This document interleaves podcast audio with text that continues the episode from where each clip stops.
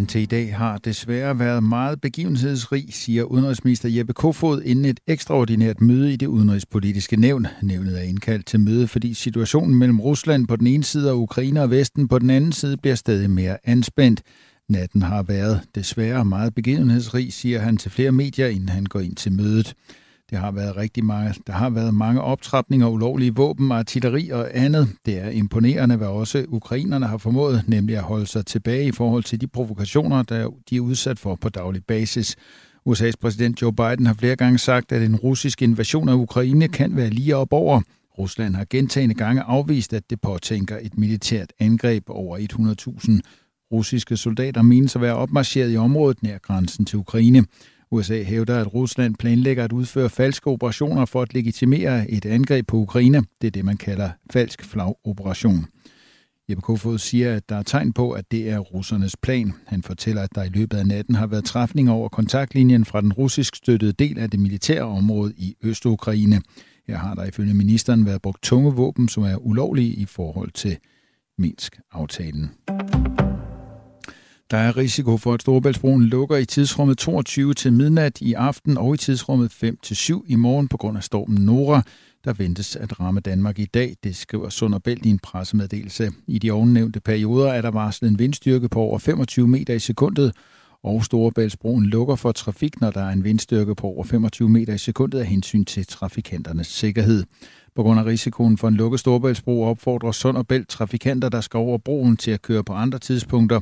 Stormen Nora ventes at ramme den sydlige del af Danmark mest. Her har DMI varslet om storm med vindstød af orkanstyrke fra i aften kl. 21 til kl. 3 om natten. Sunderbælt oplyser også, at der er en risiko for, at Storebæltsbroen bliver lukket for vindfølsomme køretøjer, og det kan ske tidligere. Allerede i eftermiddag forventer DMI nemlig en vindstyrke på over 15 meter i sekundet. Når vinden er på over 15 meter i sekundet, er det ikke tilladt for vindfølsomme køretøjer at køre hen over broen. Det er blevet sværere at holde øje med, hvordan coronasmitten udvikler sig. Hidtil har test været et af de vigtigste værktøjer til at overvåge smitten, men testkapaciteten bliver skruet ned, og 6. marts er det slut med at blive lyntestet med en podpind i næsen betalt af det offentlige. Det betyder, at et andet redskab i smitteovervågningen kommer til at spille en større rolle, overvågning via spildevand, og det vil være et godt alternativ, mener seniorforsker Sten Edelberg fra Statens Serum Institut spildevandsovervågningen er måske ikke helt kommet til sin ret, fordi vi har vidst så meget om epidemiens udvikling i Danmark, fordi vi har jo nærmest verdensrekord i at teste vores befolkning. Øhm, så vi har haft utrolig god føling med, hvor, hvem der har været smittet og hvorhen det har været. Og det har spildevandsovervågning ikke helt kunne konkurrere med. Men, men hvis man forestiller sig en situation, hvor man tester meget mindre, øh, så er det bestemt et, et godt alternativ til at kunne følge smitten i samfundet både på landsplan, men også øh, på per, per landsdel eller regionalt. I aften og natten til i morgen ventes stormen Nora at ramme det allersydligste del af Danmark. Det sker kun få uger efter, at stormen Malik rasede hos Beredskabsstyrelsen. Er man klar til at yde assistance, hvis der skulle blive behov for det? Vi har gennemgået og kontrolleret det materiel, vi vurderer, vi kunne få brug for. Så har vi vores vagthold på plads, og flere af vores beredskabscentre har ringet rundt til bagvagthold, og i øvrigt også nogle frivillige rundt omkring, for at være sikre på, at der skulle være mandskab nok, hvis det bliver rigtig slemt, siger Christian Anker Møller, der er pressemedarbejder hos Beredskabsstyrelsen. Han fortæller også, at typiske opgaver for beredskabet kan være, at der skal pumpes vand i tilfælde af, at vandstanden giver problemer. Og så kan der opstå nogle stormskader rundt omkring. Det så vi også under Malik, hvor vi blandt andet var ude at afstive et hus, der var ved at styrte sammen. Christian Anker Møller understreger samtidig, at Beredskabsstyrelsen kun bliver indsat, hvis eksempelvis brandvæsenet vurderer, at der er behov for assistance. Danmarks Meteorologiske Institut har et varsel ude om storm fra i aften og natten til i morgen for den allersydligste del af landet. Det oplyser Lars Henriksen, der er vagthavende meteorolog ved DMI. Vi regner med, at der primært er den sydlige del af Sønderjylland og Fyn, Langeland samt Lolland Falster og Bornholm, der bliver ramt, siger han. Først tør der især mod nord og øst en overgang sol eller skyde, og i eftermiddag udbredt nedbør fra sydvest, stedvis som slud og tøsne. Temperaturer i dag mellem 1 og 6 grader.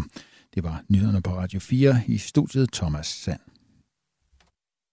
man jo også godt tage op. Jeg synes, det var godt, du, du, du kom med et par af de der sådan lidt tekniske sms'er til sidst, Thomas, fordi man kan jo godt... Øh, jeg, jeg synes, det er fuldstændig fedt at bare få, få, få øh, nogens øh, spørgsmål eller holdning øh, derud, ikke? Altså, det kan være, at der er andre,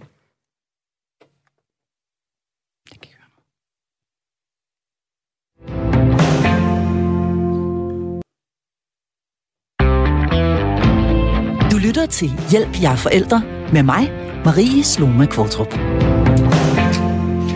De seneste ugers uhyggelige begivenheder i forbindelse med først efterforskningen, siden fundet af en ung kvinde, som var blevet dræbt efter en bytur i Nordjylland, har været højt på listen over danskernes samtaleemner. Helt utrolig mange har haft behov for at ytre deres medfølelse og empati med offeret og hendes familie, og endnu en gang har det skubbet til en snak om, hvordan pokker det kan ske. Hvordan kan det ske, at en ung kvinde med hele livet foran sig bliver slået ihjel på vej hjem om natten? Det må ikke ske, men det gør det. Og derfor skal vi i dag tale om den frygt, sådanne tragiske begivenheder starter i de fleste af os. Frygten starter i vores børn og unge, men den starter i den grad også i os forældre. Det helt store spørgsmål er, hvordan balancerer vi det hele, så vores unge mennesker tør gribe ud efter livet, men også er klædt på til at møde nogen, som ikke nødvendigvis vil dem det godt. Og til at tale om netop dette svære emne, har jeg i dag den kæmpe store fornøjelse at kunne byde et højt skattet medlem af mit faste panel tilbage her i studiet. Det er autoriseret børnepsykolog Marie Tolstrup, specialist og supervisor i psykoterapi med børn. Velkommen tilbage, Marie! Du skulle næsten have en fanfare. Tak, Marie. Tak. og midt imellem to gange Marie sidder et andet højt skattet medlem af mit panel, og det er overlærer Kim Schiers Larsen. Du kan de næste 55 minutter blande dig i samtalen. Det gør du ved at skrive R4 i en sms, og så ellers bare sende afsted til 1424. Velkommen til Hjælp. Jeg er forælder. Og lad os øh, starte over øh, hos dig, Marie øh, Tolstrup. Ja, og endnu en gang velkommen tilbage i studiet. Vi har savnet dig rigtig meget. Øhm, hvordan, øh, hvordan taler vi? Altså, nu spørger jeg bare meget stort og meget åben, men hvordan taler vi overhovedet med vores unge om sådan en tragisk begivenhed, som den, øh, der lige har fundet sted i Nordjylland? Man kan sige, fordi lige inden du sagde unge, der tænker jeg straks, det kommer jo, altså det tager jo altid udgangspunkt i alderen. Mm. Og, og så vil jeg også sige, at det tager også lidt udgangspunkt i deres egne sådan spørgsmål og nysgerrighed omkring det, fordi selvom det kan være noget, der kan selvfølgelig er helt forståelige årsager fylde meget hos de voksne og hos forældre, der kan blive bekymrede for netop, øh, når deres unge øh, færdes i nattelivet og i det hele taget færdes ude, øhm, så er det jo ikke altid, at de samme spørgsmål og bekymringer trænger sig på hos de unge mennesker, som, ja, som nu befinder sig i deres hjem. Men det er klart, at, at hvis det er noget, der kommer op, og det er noget, man taler om, så gælder det jo om at være nysgerrig og forholde sig nysgerrig og ikke dømmende over for sine altså, unge børn. Fordi jo mere man som forældre risikerer, altså man, man kan risikere, hvis man går ind og bliver lidt for klog og lidt for belærende, at de simpelthen holder op med at fortælle os ting. Øhm, og, og simpelthen ikke tænker, at det vil min mor og far aldrig forstå. Fordi det jo i virkeligheden handler om, det er jo det der med, at når de har allermest brug for os, så skal de vide, at, at de kan kontakte os, uanset hvor de er, eller hvor de står, eller hvad de gør. Øhm, og at man har helt klare regler omkring de her ting. Mm. Hvordan, øh, altså lad os nu tage, tage, tage udgangspunkt i, at, der rent faktisk, øh, at det rent faktisk skaber en, en, en utryghed eller en frygt i vores øh, unge mennesker. Og det kan jo både være piger og drenge, skal vi skynde os lidt at ja, sige. Ja. Øh, fordi det er ved Gud ikke kun pigerne, øh, der er bange, når de går ud i øh, nattelivet, eller kan føle sig utrygge ved det. Det, er jo, det, er jo, det gælder alle unge øh, med god grund. Men nu har jeg, jeg har konkret hørt om en, en, en del, som og der har faktisk også været lytter, der har skrevet til mig, som har teenagepiger, ja. som simpelthen ikke har tur gå ud øh, efter mørkets frembrud nu her, ja. øh, de senere uger, efter, de her, øh, efter det her drab i Nordjylland. Ja. Altså, som simpelthen er blevet regulært bange. Ja. Lad, os nu, lad os lige tage udgangspunkt i det. Øh, Marie Tosse, vil du starte med at sætte et par ord på, hvis man, hvis man konkret står der, hvor man har en 15, 16, 17-årig øh, øh, øh, datter, som er blevet bange? Ja. Hvordan taler vi med hende om det? Jamen, jeg vil sige, at, at umiddelbart at det er jo en meget naturlig reaktion oven på det, der er sket. Altså, det er jo klart, at der er nogen, der begynder at tænke lidt over, øhm, det kunne være sket for mig. Øhm, der er måske også nogen, hvor det falder ind i, det var ved at ske for mig, eller frygten om, at det, det kunne være sket dengang, at jeg nåede at, at netop at gøre noget, eller gå væk, eller få en veninde, eller gøre noget andet. Så det kan jo være meget naturligt, det sætter nogle bekymringer i gang. Og der vil jeg sige, at det er jo vigtigt at at tale om, at selvfølgelig skal de ud i, i nattelivet igen. Øhm, der er jo, man kan sige, det, det her har jo startet en, en debat og en opmærksomhed, som har været nødvendig i rigtig mange år, og man kan jo håbe, der kommer noget sådan rent konkret, som kan sikre, at man kan føle sig mere tryg i nattelivet. Men udover det, er det jo også det her med, jamen, hvad er reglerne? Altså, hvad er det for værdisæt, man har som forældre? Hvad er det for værdisæt, man prøver at føre ud i sit hjem? Og hvad er det for aftaler, man har med de unge mennesker, der bor under ens tag? Og det skal vi tale meget mere om, lige præcis det her med, om man overhovedet kan aftale sig ud af frygt. Men nu øh, kaster jeg lige bolden over til øh, dig, Kim Sjærs Larsen. Jeg ved nemlig, du har, øh, du har en teenage-datter øh, derhjemme. Ja. Har du, øh, eller har I overhovedet talt med hende om det her? Har hun, er det overhovedet noget, hun har lagt mærke til? Eller er hun for ung til det endnu? Jamen, det fylder noget for hende, også i takt med, at hun bruger sociale medier, som hun gør. Så det fylder jo også der, og det får hun selvfølgelig også indtryk af på forskellige måder, eller støder på det på forskellige måder, anderledes end jeg måske gør. Mm. Øh, men netop som Maria også siger, at det er vigtigt, at vi snakker med dem, at vi ikke lader være med at snakke med dem om det, eller at vi, ikke eller, men og, at vi lytter på det, de siger. At vi hører, hvad det drejer sig om. Hvor, hvad er det egentlig, de tænker? Øh, jeg kan godt som, som, som far nogle gange være sådan lidt, ja ja, ud til fuglene med det, og kom, vi skal ud og leve, du skal ikke være bange for det her. Og det er sådan meget sådan en, det kan man jo som forældre vælge at gøre i nogle situationer, men vi skal vægte, hvornår vi gør det, fordi hvis vi gør det, hvis jeg gør det, mm. så siger jeg også til min datter, at hun ikke skal, at hendes tanker om, om at bekymre sig ikke er, ikke er okay, og vi ikke forholder os til dem, som hun gerne vil have. Så det er rigtig fint, at man, også hvis man er ældre, end, end, end min datter, altså hvis man er 16-17 år, og man siger, men du behøver ikke gå ud og være alene. Det er okay, du er hjemme og er bange for det. Så hjælper man dem i gang undervejs. Mm. Øh, altså, det er bare en proces, der tager tid. Man skal ikke ligesom bare glemme, at livet findes, det skal leves. Fordi jo, selvfølgelig findes det, og selvfølgelig skal det leves. Men vi må også gerne forholde os til det, der sker. Og give det tid, fordi det har sådan en som min datter, eller dine døtre, eller sådan et eller andet, muligvis brug for. Mm. Så tilbage igen til øh, børnepsykologen, hvis vi tager udgangspunkt i teenagerne, og dem, som rent faktisk øh, er derude, og går ja. ud i nattelivet osv., og en utryghed, der starter i dem i forbindelse med sådan, sådan, sådan øh, fuldstændig vanvittigt tragiske begivenheder som denne her, som vi jo virkelig har hørt ekstremt meget om. Øh, vi har også alle sammen været på fornavn øh, med, med, med offeret, og, og i det hele taget er kommet meget, øh, kommet meget tæt på. Det kommer meget tæt på. Det er faktisk umuligt at undgå. Ja.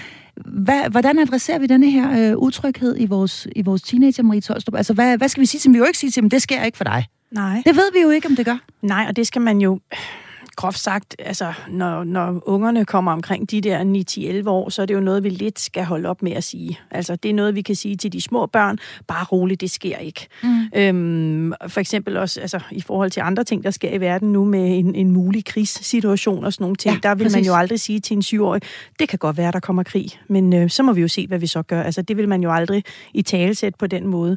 Øh, men det er klart, når vi har med de unge at gøre, som er mere reflekteret og som er mere udviklet rent kognitivt, der kan man jo godt have en snak om, okay, men det her det er noget, der reelt kan ske. Hvad gør du selv for at sørge for, at, det, at du kommer i mindst mulig risiko? Øhm, hvis det er, at man netop har en helt naturlig reaktion oven på det her og lyst til at være derhjemme, så vil jeg sige, ligesom Kim gør, jamen, så er det en naturlig proces. Det er klart, at hvis der bliver ved med at gå tiden, altså hvis der går flere måneder, hvor man fortsat holder sig hjemme og ikke tør gå ud, mm. så er det nok noget, man skal begynde at kigge lidt på, om det er blevet for stort et problem, der forhindrer en. Altså om det er blevet funktionshemmende, som vi kalder det i forhold til, når man har brug for hjælp.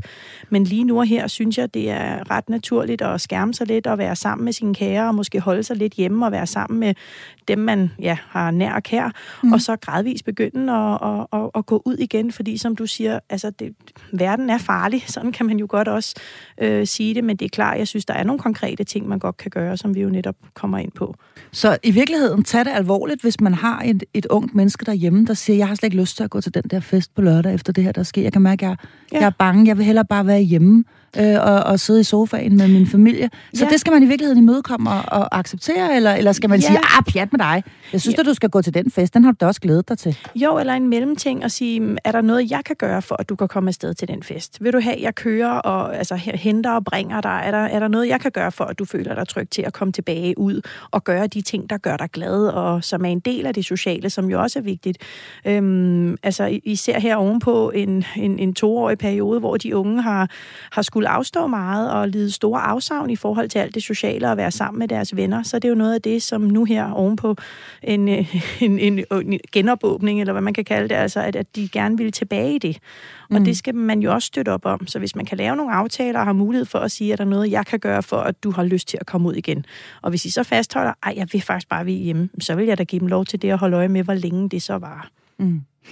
Der er jo øh, dels de øh, større børn, som er din datter 13, ikke Kim? Altså hun er sådan lige på grænsen. Hun er vel ikke helt begyndt på det der endnu med sådan at for alvor at gå til fester og så videre, men det, er, det står for døren, det venter lige rundt om hjørnet. Øh, man kan sige, det præger jo også det, hun ligesom tænker, hun skal ud i, når hun hører denne her slags øh, historie. Det kan jo ikke øh, rigtig undgås, at jamen, det er et farligt sted.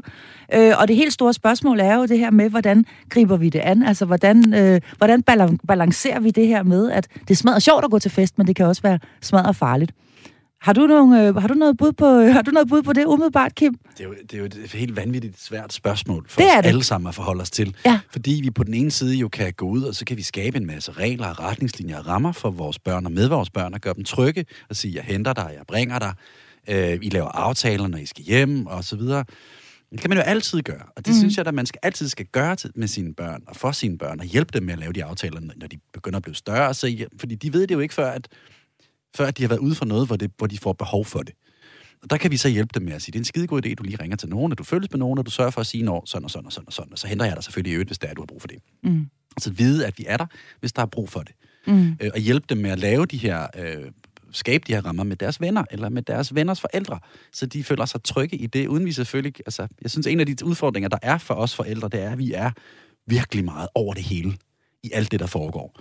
Og det er jo på mange måder skide godt, fordi det skaber en masse tryghed, men det er også et kæmpe problem for, det kan være et stort problem for os forældre, fordi vi oversnakker ting, vi overtolker ting, vi lægger en masse ting ned i vores børn, som de måske slet ikke har behov for, mm. og vi frygter rigtig, rigtig meget, fordi vi hele tiden kan få den her frygt smidt op i ansigtet af noget, der sker for andre. Mm. Og selvom det kun sker i en ud af 10 millioner tilfælde, kan man sige, så, kan, så bliver det jo så overeksponeret og er alle vegne. Så det er også lige, fordi lad os lige øh, også holde os til, at, at det jo er heldigvis uhyggeligt, uhyggeligt, uhyggeligt sjældent. Det sker, heldigvis at et ungt menneske bliver slået ihjel på Og det er rigtig fint, vi forholder os til, mm. at det sker, fordi verden er der. Og det er jo det er et grundvilkår, at det ikke er, øh, vi er ikke pakket ind i sådan en dragt af uopnåelium, hvor intet kan røre os. Øh, så, så verden er, vi kan tage en masse forholdsregler, men der vil altid være noget, som vi ikke kan styre. Mm. Og det tror jeg også, at det skal vores børn ikke lære ved, at nogen bliver dræbt af noget. Men, men det er også en måde at gå ind i verden på. Mm. At, at, at, at det er svært, eller det kan gøre ondt, eller vi skal være opmærksomme. Om man er pige, eller man er dreng. Der er bare forskel. Og nu snakker vi om et område, som handler om unge kvinders frygt, og det er skide vigtigt at snakke om på den måde. Mm. Og ikke blande det sammen med alle mulige andre tiltag, eller drenge er også bange, for de får også til dem. Det er et andet problem. Vi har en masse indsatser, som hjælper noget om det, men her er der faktisk et område, hvor vi er nødt til at snakke med hinanden om, hvordan fanden løser vi det her? Eller hvordan hjælper vi vores børn med at klare det, så de ikke er skide bange? Mm. Og løse det, det er jo ikke sådan lige for at løse det, fordi det, er, det har altid eksisteret. Det eksisterer stadigvæk. Og spørgsmålet er, om det kan stoppes, at øh, øh, unge øh, kvinder bliver slået ihjel på brutal vis, Marie Tostrup. Det er jo bare en del af virkeligheden. Altså, i hvor høj grad skal vi tale med vores børn om det, synes du, som børnepsykolog? Og nu taler jeg også om lidt yngre børn, som jo kan læse en overskrift eller se et indslag i nyhederne? Ja, og, og altså, der, der tænker jeg jo også straks på, altså hvis man går, går ned i de yngre eller netop i forhold til børnelokker og sådan nogle ting. Altså, ja. det, er jo, det er jo noget, som jeg, jeg synes er vigtigt, at man forholdsvis tidligt øh, berører. Øhm, det er klart, at, at det er noget, der falder helt naturligt, eller bør falde helt naturligt, mm. øhm, det sekund barnet begynder at, at vil være mere selvstændig, og at vi hjælper dem og skubber lidt på, at de skal have lidt mere selvstændighed. Øhm, så det her med, når man begynder måske at gå alene hjem, eller man begynder at at skulle øh, løbe ned og købe en liter mælk ned i kiosken, eller hvad det nu kan være, cykle mm. til og fra sport og sådan nogle ting, der skal man jo have nogle samtaler om, altså hvad der kan gå galt.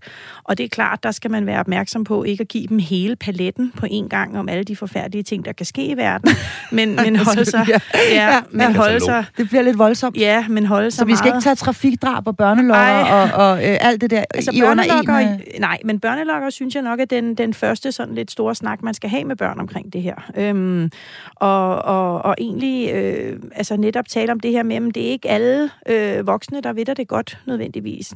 Øhm, og, og det er meget vigtigt at være meget tydelig omkring, hvad man mener med det. Fordi det i sig selv, den sætning, jeg sagde lige der, er jo meget vag. Øhm, så det her med at bruge konkrete eksempler, der finder faktisk mange børnebøger, hvor de adresserer det her med, øhm, hvordan man håndterer at tale med børn om børnelokker. Øhm, og, og det er jo noget, der kan gøres på en ret fin måde, sådan at de har en bevidsthed omkring det, uden de nødvendigvis bliver rigtig bange for det. Men man kan jo ikke, som I begge to er inde på, skærme dem for, at der kan ske ondt. Og det er jo heller ikke nødvendigvis sundt for dem ikke at vide, fordi det er jo vigtigt, at de lærer at navigere i, hov, det her, det gør mig utryg, det føles ikke godt. Hvad gør jeg så, når jeg står i den situation? Mm. Og der får jeg også lyst til at sige, at, at der, er, at der er jo mange, der også beror sig på sådan mobiltelefonen, og jamen, så ringer du bare til mig, men hvad hvis nu der ikke lige er strøm? Eller, altså, mm. Der er også noget, der hedder sund fornuft i forhold til det, som er vigtigt, at vi hjælper børnene fra en tidlig alder øh, med at få gradvist, øh, som selvstændigheden øges. Mm. Men hvis vi nu griber fat i lige præcis det her med, med hvornår de begynder at stille spørgsmål, det gør de jo. Jeg, min ja. egen øh, femårige har en, en, en forfærdelig skræk i øjeblikket for at blive kidnappet. Ja. Altså han er simpelthen bange for, at der nu kommer nogen og tager ham. Ja. Øhm, og han kan faktisk ovenikøbet være bange hjemme i vores eget hjem, og jeg ja. sige, der kommer ikke nogen ind ja. øh, ned igennem porten og op på fjerde sal og ind og tager en lille sovende dreng ja. øh, på hans værelse. Men frygten er jo reel.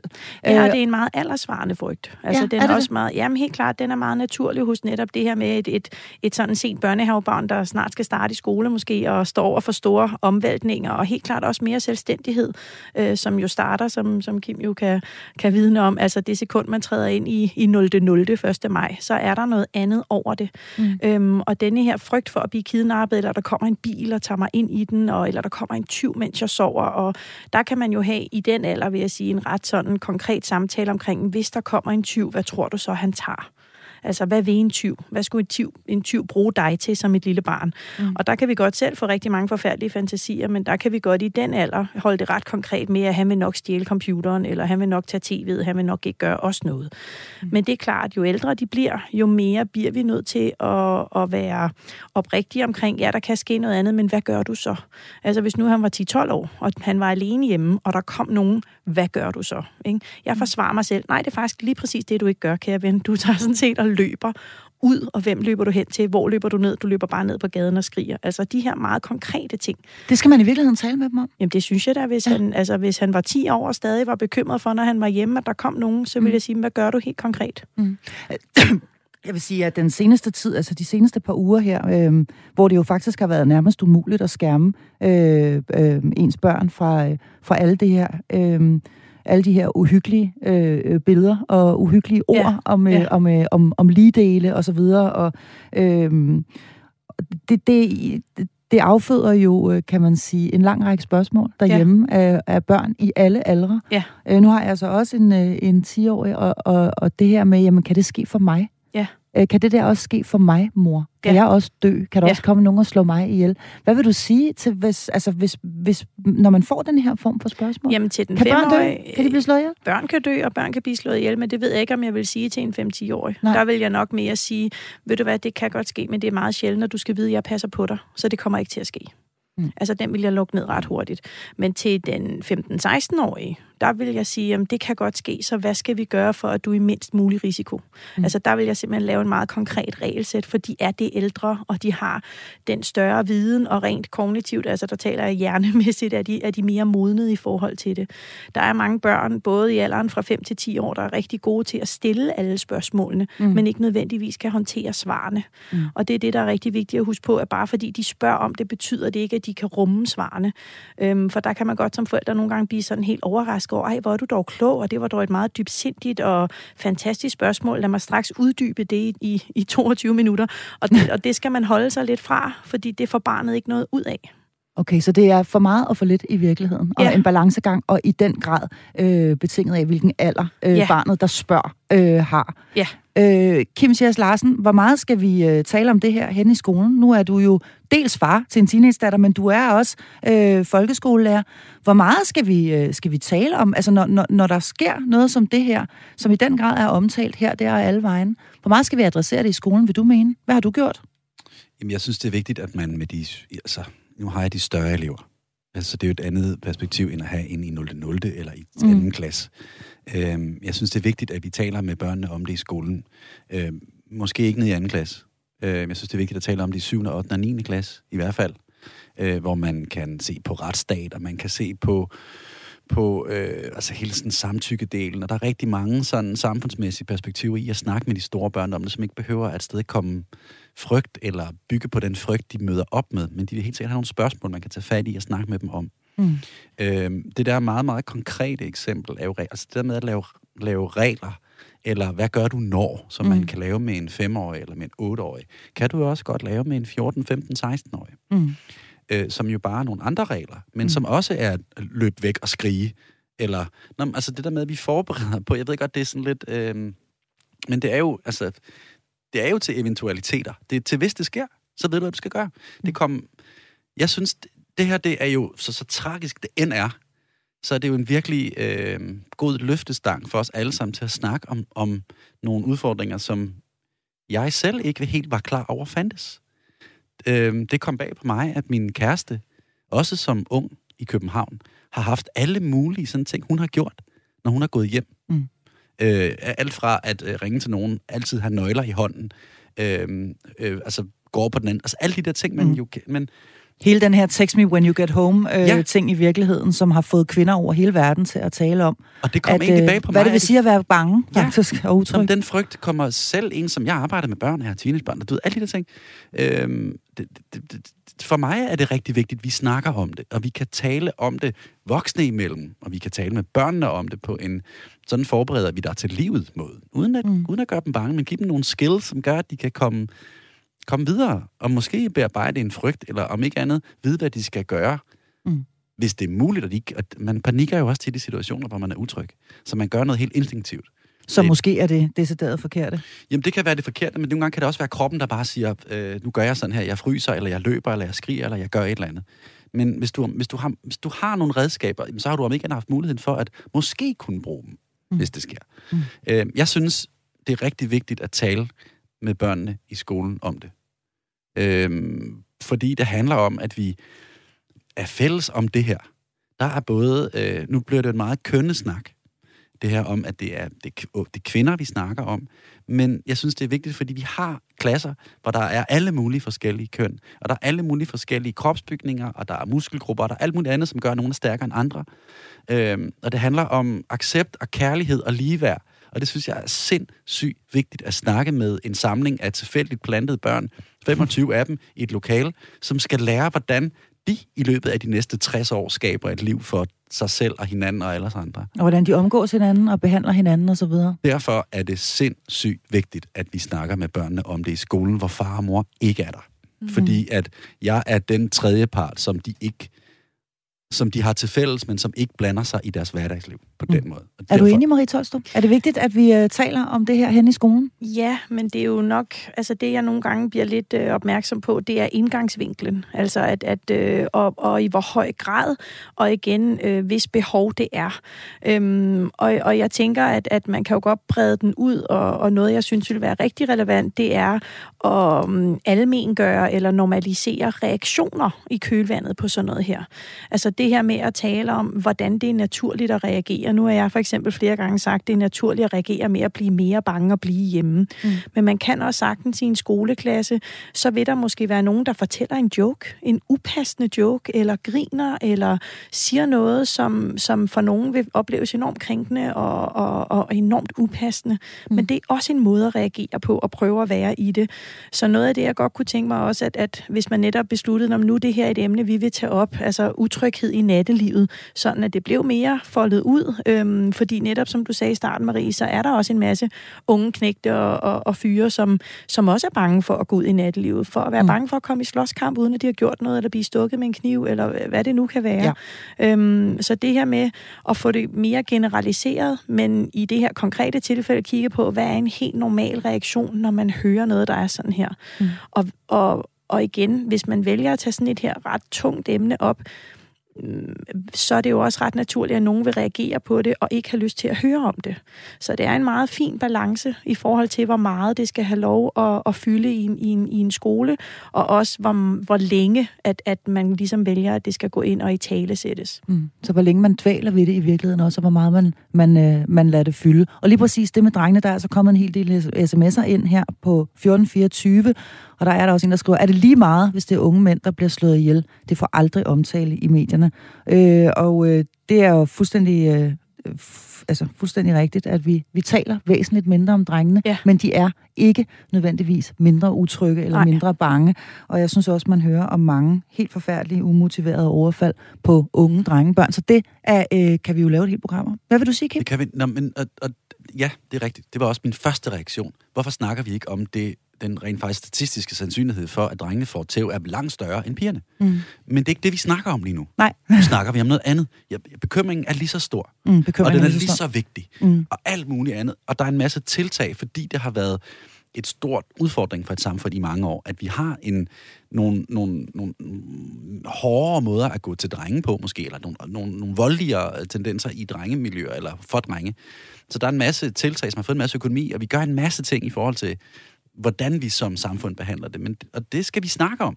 Netop som du siger, et program. Ja, det skal men, vi men nu snakker vi om, hvordan det er med piger, der er skide bange. Mm. Og det er rigtig vigtigt, at vi får snakket om det. Fordi mm. ja, det er frygt. Jeg har også gået og været skide bange og gået over på den anden side af gaden og haft nøgler i hånden og ringet til nogen. Men det har været med nogle, der har været nogle andre ting på spil for mig. Hvad var men, det? Hvad er det, der var på spil der? Nå, men, var nå, men, nå, der, hvor jeg er vokset op i provinsen. Ja. Øh, der fik man også tæv, hvis man kiggede forkert på nogen. Ja. Øh, men så ville man få nogen på tuden, og så var det det. Mm. Øh, så den frygt, jeg kender jo godt frygten. Mm. Men jeg, får, jeg, jeg, jeg fik tæv, fordi, eller man fik tæv, i, fordi man var dreng, og man kiggede forkert. Hvor, hvor det der jo er, det her, der får, det kan jeg i hvert fald godt tolke som, at piger, de får det, fordi de er piger. De er øh, mindre, de er ikke så stærke, som vi er, så det er et nemmere offer. Øh, der, der, der er forskel på motivet i det, der foregår mellem de mm. grupper. Så derfor er det vigtigt, at vi adskiller det. Og vi snakker om de ting, vi snakker om. Og så skal vi nok snakke andet på et andet tidspunkt, ellers ved siden af. Det kan vi jo, øh, det kan vi jo. Der er, her er der en, der skriver, der kommer en del sms'er ind, og du er altså også hjertelig velkommen til at skrive på 1424. Start beskeden med at skrive R4. Her er der en, der skriver et lille indspark. Man kan aldrig sikre sig mod psykopater. Forklar dine børn, at der er stort set ingen sandsynlighed for, at det skulle være netop dig, det svarer nærmest til, at du skal vinde i lotto, og det sker jo ikke så tit. Med venlig hilsen, Jimmy. Øh, er det en måde, at, øh, altså, er det en god idé i virkeligheden, Marie Tolstrup, at, øh, at stille det sådan lidt statistisk op øh, for dem? Jamen, det kommer jo lidt an på, hvor man bor får jeg lyst til at sige. Altså, mm. øhm, og og det, det, det, det kan man jo sagtens gøre. Øhm, og og det, jeg tænker, at det der det er da helt klart en måde, der vil virke for nogen. Øhm, så det handler jo om, altså, som jeg lidt var inde på, at tage udgangspunkt i, i det værdisæt, man nu har, og den sådan retorik, man plejer at bruge omkring de her ting. Øhm, det er jo denne her meget fine og svære balance i forhold til at klæde ens børn på til at kunne klare verden, uden at gøre dem bange. Det er præcis. Og det er jo det der Det er den med, balancegang, vi forsøger ja, at tale om i dag. Præcis. Ja. Og det er der, hvor aldersdifferentieringen, altså 5, 10, 15, 20, mm. et eller andet sted, er, er rigtig vigtig i forhold til, hvordan vi taler om det, men også, at vi gradvis øger den selvstændighed og øger samtalen øh, omkring det i forhold til grad af alvor. Mm. Men det kan i virkeligheden, hører jeg dig sige, godt være et udmærket indspark. Altså hvis du har denne her øh, 17-18-årige pige, der siger, at man bange for at havne ligesom denne her pige i Nordjylland, og så sige til en sød skat, det kan jeg godt forstå, du er bange for. Ja. Men der er en ekstremt lille risiko for det. Den ja. er der, ja. det anerkender vi, ja. men den må simpelthen ikke komme til at fylde det hele. Nej, og, det, og den kan man jo godt sige lige den øh, aften måske, at man skal i byen eller noget, men når man så skal ud, øh, når verden åbner mere op og backpacke alene med sin anden veninde rundt omkring øh, i, i forskellige steder i verden, man nu har lyst til at tage ind, igen er risikoen ikke så stor, men jeg, det jeg nok er sådan lidt tøvende omkring, det er ikke at, at negligere det. Altså, mm. og at man ikke lidt glemmer at være opmærksom i sine omgivelser, og at man også tænker over, er jeg et sted her, hvor jeg kan for eksempel drikke mig rigtig fuld og slappe af med mine veninder, fordi vi ved godt, hvordan vi kommer hjem, hvis man for eksempel sidder et sted i Sydamerika, eller hvor, hvad ved jeg, ikke? Mm. Altså, øhm, at man ligesom øhm, tænker sig om mm. et eller andet sted, det sekund, man bevæger sig lidt længere væk hjemmefra. Og lige præcis det med alkoholen, det kommer der altså også en del sms'er ind omkring, fordi det er jo ikke sådan helt uvæsentligt, når vi taler vores øh, unge mennesker, teenagers, færden i nattelivet. Her skriver Nils sådan her. De unge mennesker drikker meget og kan derfor ikke tænke en fornuftig tanke. Der er stoffer, de sniffer alt muligt, og den kompensation er jo ikke noget, der gavner den sunde fornuft. Men det er jo den verden, de lever i. Og det er altså en sms fra Nils her, som øh, lige skyder denne her med rusmidler ind på øh, banen, når ja. øh, tak for det, Niels. Selvfølgelig vanvittigt vigtigt ja. at, øh, at huske på. Hvad vi stiller op af rammer og regler og retningslinjer, hvad vi laver aftaler med vores børn, det skal vi tale meget mere om. Men allerførst, så skal vi altså lige runde vores egen frygt. Du lytter til Hjælp, jeg er forældre. Ja, og vi taler altså i dag om at være ung i nattelivet, men også om at være forældre til et ung menneske, som går ud og fester. Og jeg er i meget kompetent selskab af to faste medlemmer af mit panel, nemlig børnepsykolog Marie Tolstrup og overlæger Kim Schers Larsen. Du kan fortsat sms ind til os på 1424. Start med at skrive R4 i din besked. Og hvad stiller vi så op med vores egen frygt? Fordi den er der jo. Det kan ikke undgås. Øh, hvad stiller vi op med den? Øh, nu øh, stiller jeg spørgsmålet meget åbent øh, til jer øh, to her i øh, dagens panel. Øh, hvor gør vi af den frygt? Som jo, altså jeg er selv mor til to øh, teenage-døtre, øh, for hvem det er en, en, en stor del af livet at være sammen med venner, og også i festlig og jo altså også øh, med alkohol. Øh, og der må jo ikke ske noget. Det må der simpelthen bare ikke. Nej. Så selvfølgelig er jeg bange. Ja. Øh, men, men, men hvor gør vi af det? Øh, Marie Tolstrup, jamen, den her frygt? Jamen, det er jo noget med at at tøjle den en lille smule i forhold til, hvor meget vi i tale sætter den over for dem, for de kan jo i bund og grund ikke bruge den til særlig meget. Man kan sige, at det vi kan bruge vores egen frygt til, det er at navigere i de regler, vi nu udsteder, altså udsteder til vores unge mennesker, i den dialog, vi har med dem. Mm. Og også for egentlig lidt at øh, igen være nysgerrige, så det er jo vigtigt, at vi ikke øh, sidder og grubler løs og bekymrer os øh, inde i vores soveværelse, og så går ud og siger til dem, nu har jeg besluttet, at du aldrig må gå i byen mere.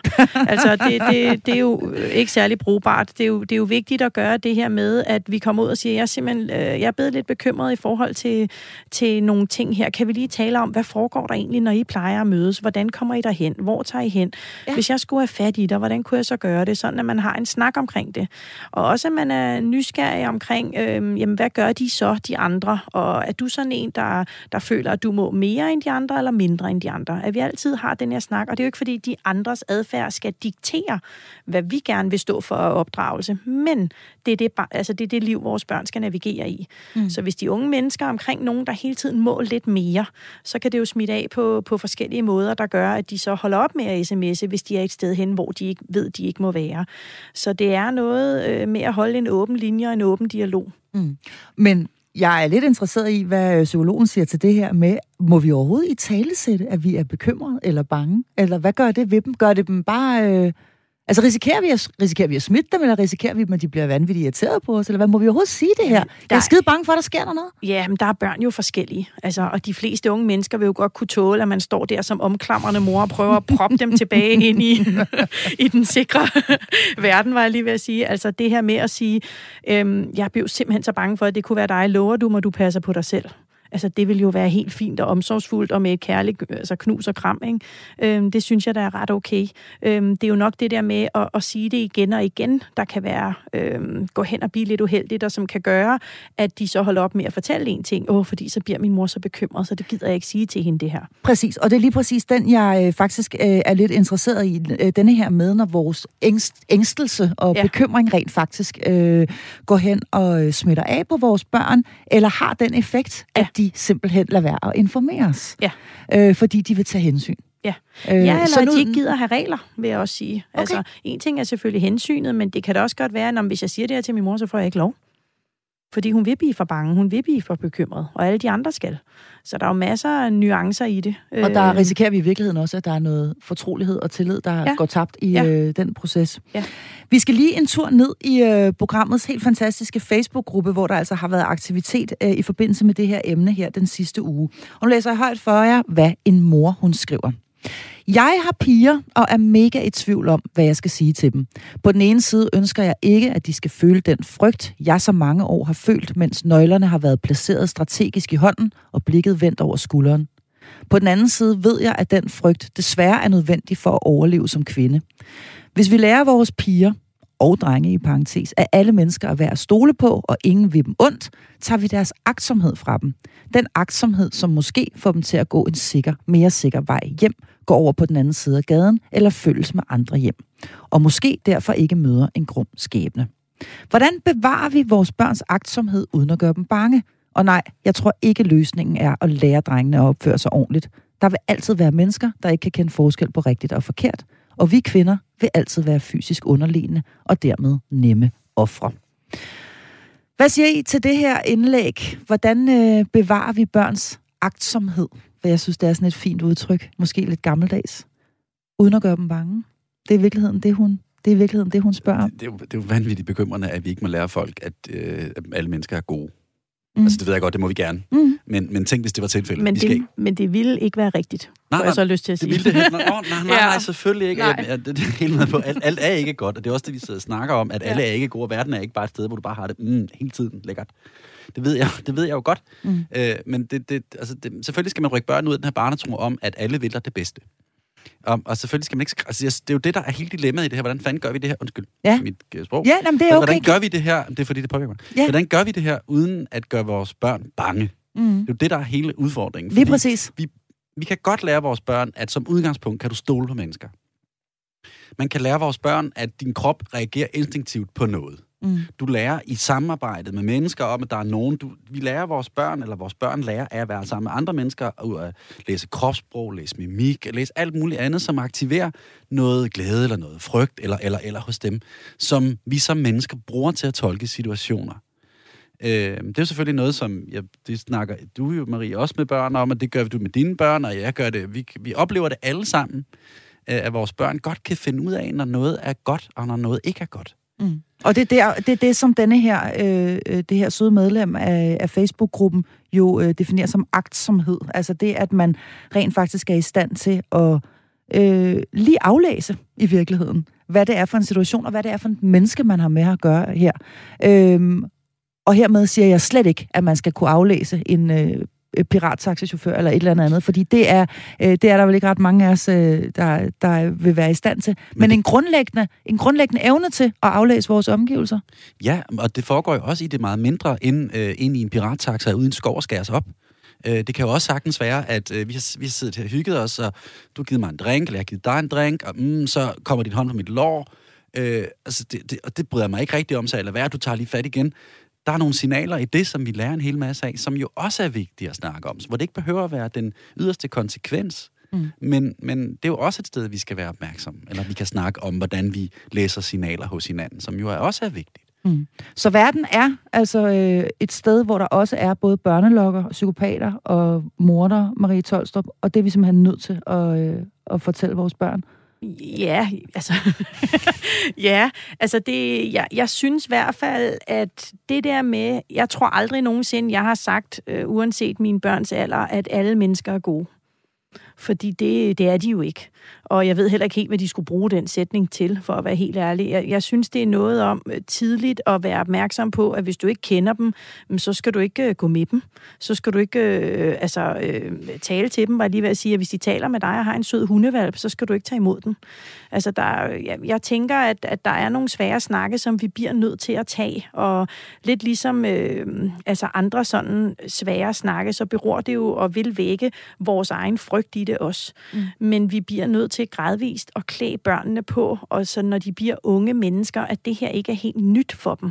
Mm. Fordi det er jo kun igennem de her sådan desværre lidt svære oplevelser, at vi også lidt lærer at navigere i det.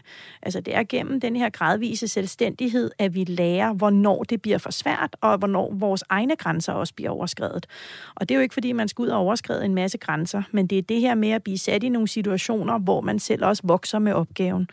Og der er børn forskellige, og det er forskelligt af, hvor man bor, og hvad ens muligheder er. Man kan cykle til og fra, eller man tager bus, eller hvad det nu kan være. Men det her vil gradvist at give lidt slip fra de er vil jeg sige netop, altså så fra de starter i skole, det, det er jo et helt nyt miljø, mm. og så øh, indtil de flytter hjemmefra, der er det jo vores fornemmeste opgave som forældre. Det er at, at, at få givet dem den tiltro og klippe dem på til, at de kan håndtere selvstændighed og kan vokse med opgaven. Mm. Øhm, og det kan vi ikke gøre, hvis vi tager udgangspunkt i, at de fleste vidder det godt, eller fordi at jeg tror heller ikke altid på, at man kan kende forskel på, hvem der vidder det godt eller ej.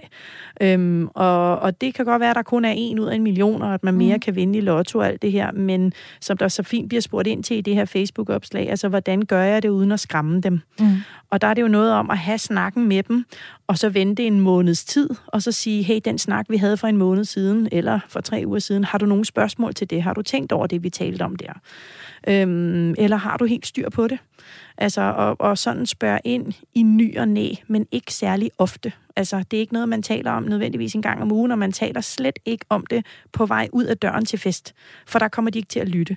Altså, det er ligesom at stå i et skænderi og råbe af hinanden og tro, at den anden lytter. Så det er et meget, meget konkret og, og, og ja. godt tip her. Så det, ja. i virkeligheden handler det om, at, at når vi gerne vil tale med vores børn om de her ting... Ja, så er det søndagsmødet, det er familiemiddagen, det er, når man sidder sammen, og der er ro på, og folk skal ikke ud af døren, og der er ikke nogen mobiler, der bimler og bamler. Det er, nu skal du høre, at vi skal tale om noget her. Mm. Og det her er et vigtigt emne, for jeg vil gerne have, at I får styr på det, og jeg vil have, at I føler, at I ved, hvad I skal gøre, hvis der sker jer noget. Mm. Fordi det er ikke på vej ud af døren. Håber, hvornår skal du være hjemme? I aften vil jeg være hjemme klokken dit. Nej, jamen jeg sagde det. Altså allerede der bliver der lagt en, en, en rigtig uheldig fremgangsmåde i forhold til egentlig at få lagt en plan, der gør både den unge tryg, men især forældrene. Mm. Det er jo netop det, er netop det der er helt... Det, altså, en af kernepunkterne i det, vi snakker om her, at det er en proces. At det er ikke noget, vi starter, fordi vi er panikangste for, at der sker noget lige nu, fordi det er affødt af en sag, som er for 14 dage siden. Det er rigtig vigtigt at se det her som en samtale med vores børn igennem deres liv at vi ikke lige pludselig kommer op og bimler og bamler med en masse klokker og siger, nu får mm. du et par nøgler og en kniv, skal du, fandme, skal du passe på dig selv. Gør sådan og sådan og, og sådan. Og til inderlommen. Nå, men, ja, altså, det, det, det, tror jeg er en af de ting, som vi som forældre, det sted, hvor vi pakker vores frygt hen, er også, at vi ved med os selv, vi snakker med vores børn om det løbende. Mm. Vi giver dem nogle skills ud i livet, altså nogle muligheder for at klare det liv, som de jo i sidste ende, hvor lidt vi egentlig ønsker det jo, på mange måder for os med, lidt, altså med børn, der bliver større, at de skal klare det selv. De skal mm. være i stand til at kunne leve ud i den verden, som ikke bare er øh, øh, mælk og honning hele tiden. Mm. Og her får jeg, jeg får simpelthen lyst til at sige, at hvis man som lytter har lyst til at høre et program, øh, der handler om præcis det her, så skal man gå ind og finde øh, det, der hedder Robusthed med øh, Marie Tolstrup og øh, børnelæge Morten Skrøder, øh, hvor man får en masse gode råd til, hvordan man robustificerer øh, sine børn faktisk fra de helt små. Men nu skal vi en tur ned i den helt store og famøse værktøjskasse. Det glæder jeg mig altid til. Vi skal tale om, øh, hvad man egentlig som forældre kan stille af krav, lave af regler og aftaler, som øh, i hvert fald kan, kan bidrage til en øh, øget tryghed, når vores unge mennesker skal ud og feste. Du lytter til Hjælp, jeg er forældre. Ja, vi taler altså om øh, det her med at være forældre til unge mennesker, som skal ud og tage fat i nattelivet. Og øh, der kommer en hel masse sms'er ind øh, løbende på 1424. Jeg vil lige sige, at du er også hjertelig velkommen til at smide en af sted. Start med at skrive R4. Nu læser jeg lige en højt her, øh, som øh, lyder sådan her. Frygten for voldtægt er jo reelt nok, da det sker alt for tit. Jeg synes, det er et samfundsproblem, fordi vi er for dårlige til at passe på hinanden. Blot, ek, blot et eksempel. En 22-årig er til julefrokost med sin arbejdsplads, forlader festen, død drukken alene og bliver samlet op fra et busskur og tre knægter og bliver voldtaget. Det, jeg har sværest ved at forstå, er, hvordan øh, der ikke blot kan være et enkelt selvtænkende individ ved den julefrokost med voksne mennesker, der kan tage ansvar for, at denne kvinde kommer sikkert hjem. Det er altså ret let at minimere risikoen for, at der sker noget i nattelivet, hvis blot vi passer på hinanden. Med venlig hilsen Tom, der i øvrigt aldrig drikker alkohol, og altid vil sørge for, at jeres unge mennesker kommer sikkert hjem, skulle jeg være til stede. Nu var det en fin besked. Tusind tak til Tom. Øh, Tom banker lige ned i præcis det, vi faktisk skal tale om nu, nemlig hvordan øh, vi bedst passer på hinanden, og hvordan vi lærer vores unge mennesker øh, at passe på hinanden, når de er øh, derude. Hvad har I med af, øh, af, øh, af gode råd? Hvad har I i værktøjskassen, når nu vi står her og skal sende dem afsted ud i det pulserende natteliv? Har I noget med i værktøjskassen? Jeg ved ikke, hvor originalt det er, men det er jo den der med at lade være at gå hjem alene. Ja. Altså simpelthen og, og altid at følges med nogen. Øh, og det er sådan set uanset, hvilket køn man er. Øhm, men det der med, at, og lige så vel som man tit forlader hjemmet sammen i flok, at man så også på en eller anden måde sørger for, at man går sammen hjem. Øhm, samtidig får jeg lyst til at sige sådan øhm, til de lidt yngre, øhm, i forhold til, hvad vi lidt var inde på af sådan konkrete råd. Der, det der med, når der er en, en voksen, der henvender sig, for eksempel til et yngre barn, øhm, og siger, hov, skynd dig at komme herhen, eller du skal komme med mig, fordi din mor eller din far er kommet til skade, eller ringer på på døren derhjemme, og man ikke kender den her voksne, så kan man jo i familien aftale et kodeord. At man simpelthen har et ord, som kun man selv i familien kender, og så siger man, hvad er kodeordet.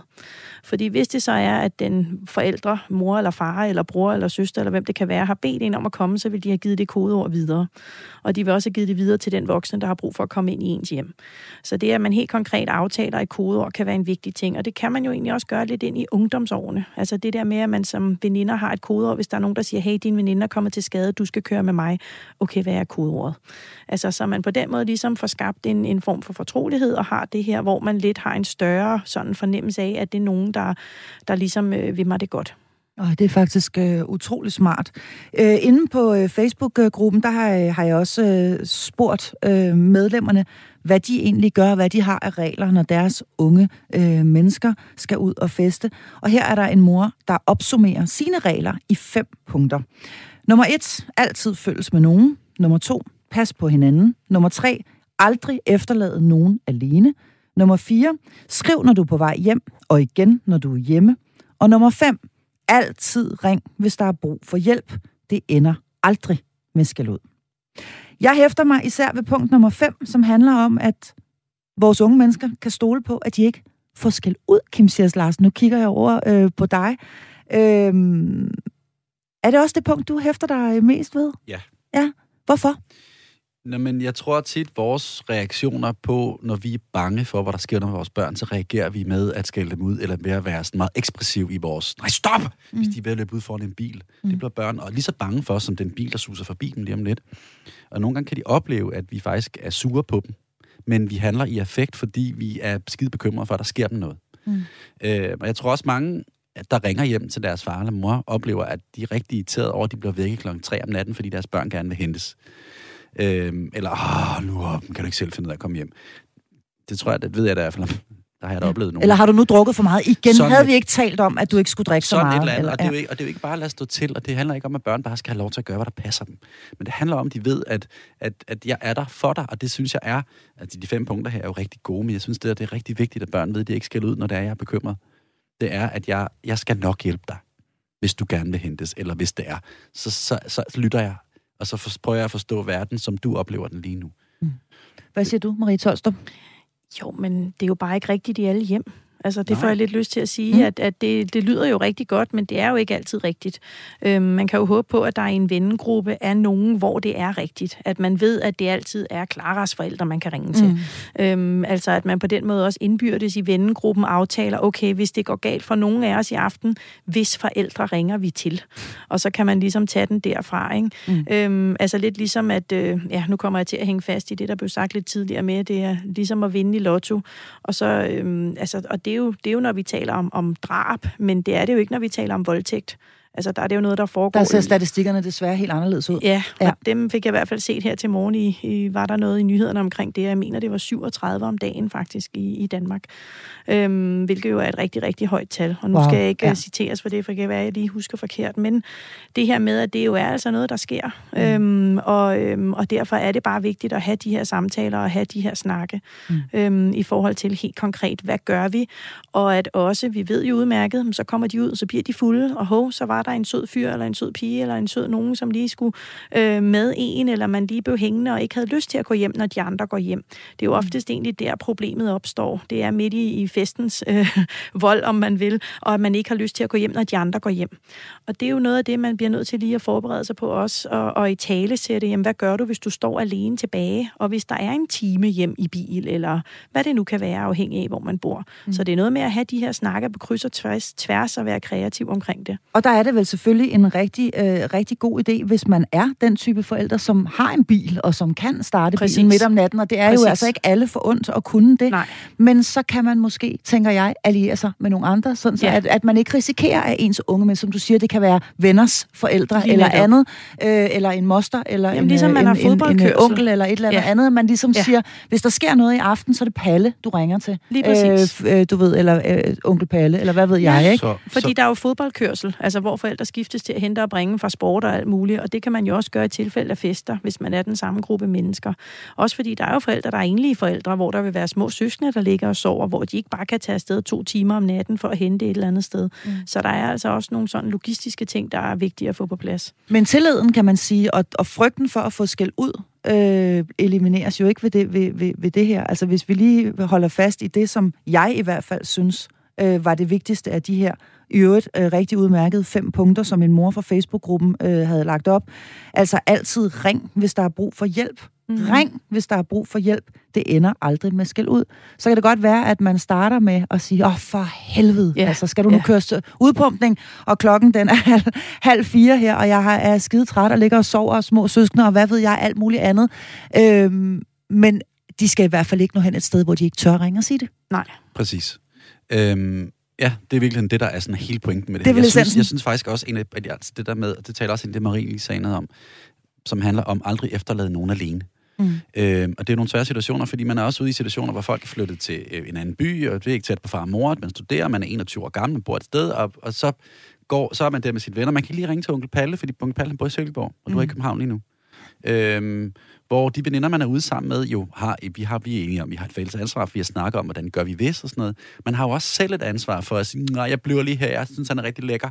Det, ja. eller, eller hvad ja. det nu måtte være. Nå, nej, nå, nej. Men, Jamen, vi havde aftalt, at vi skulle følges hjem, ja, men det, det gider jeg ikke alligevel. Det er overhovedet ja. ikke, jeg victim blamer på ingen måde. Nej, det, det sker jo, det der. Vi, vi, vi, det er jo bare virkeligheden. Mm. At vi selv også skal tage ansvar for de situationer, vi kan ende i, eller vores børn nu, nu men der er, også, der er noget ansvar, som også skal tages rundt omkring, både af de her gode venner, og vennegrupper siger, men nej, hvis, hvis, hvis, hvis, hvis Christian ikke vil hjem, så bliver jeg til, han gerne vil hjem. Eller, altså, jeg ved godt, det, det er enormt svært at sige, mm. men det her udvidet ansvar for hinanden, er, skal vi jo i virkeligheden tage. Lidt ligesom ham, der skrev ind og sige, jamen, jeg hjælper, hvis jeg ser.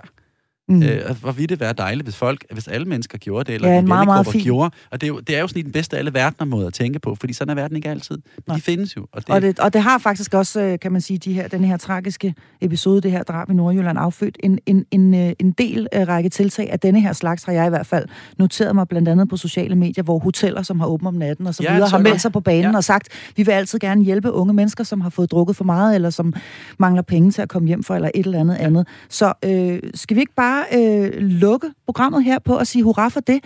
Vi havde faktisk også en snak om overvågning, det her med, hvorvidt vi skal følge vores børn på øh, Snapchat og SnapMap og GPS og hvad har vi. Men det er vi simpelthen nødt til at øh, lave et andet program om, for vi når ikke mere øh, for i dag. Jeg vil gerne sige øh, tusind tak til mine to fantastiske paneldeltagere. Det var Kim Schiers Larsen, og så var det Marie Tolstrup, som var vendt tilbage igen til programmet. Stor fornøjelse. Mit navn er Marie Sloma Kvartrup. Tak fordi du lyttede med.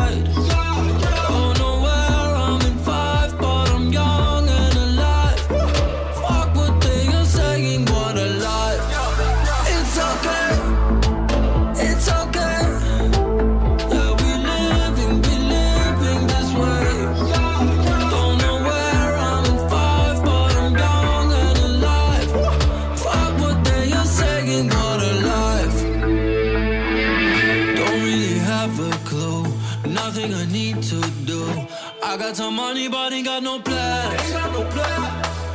It's making me paranoid to float like an asteroid. How long before I go insane? Don't really have.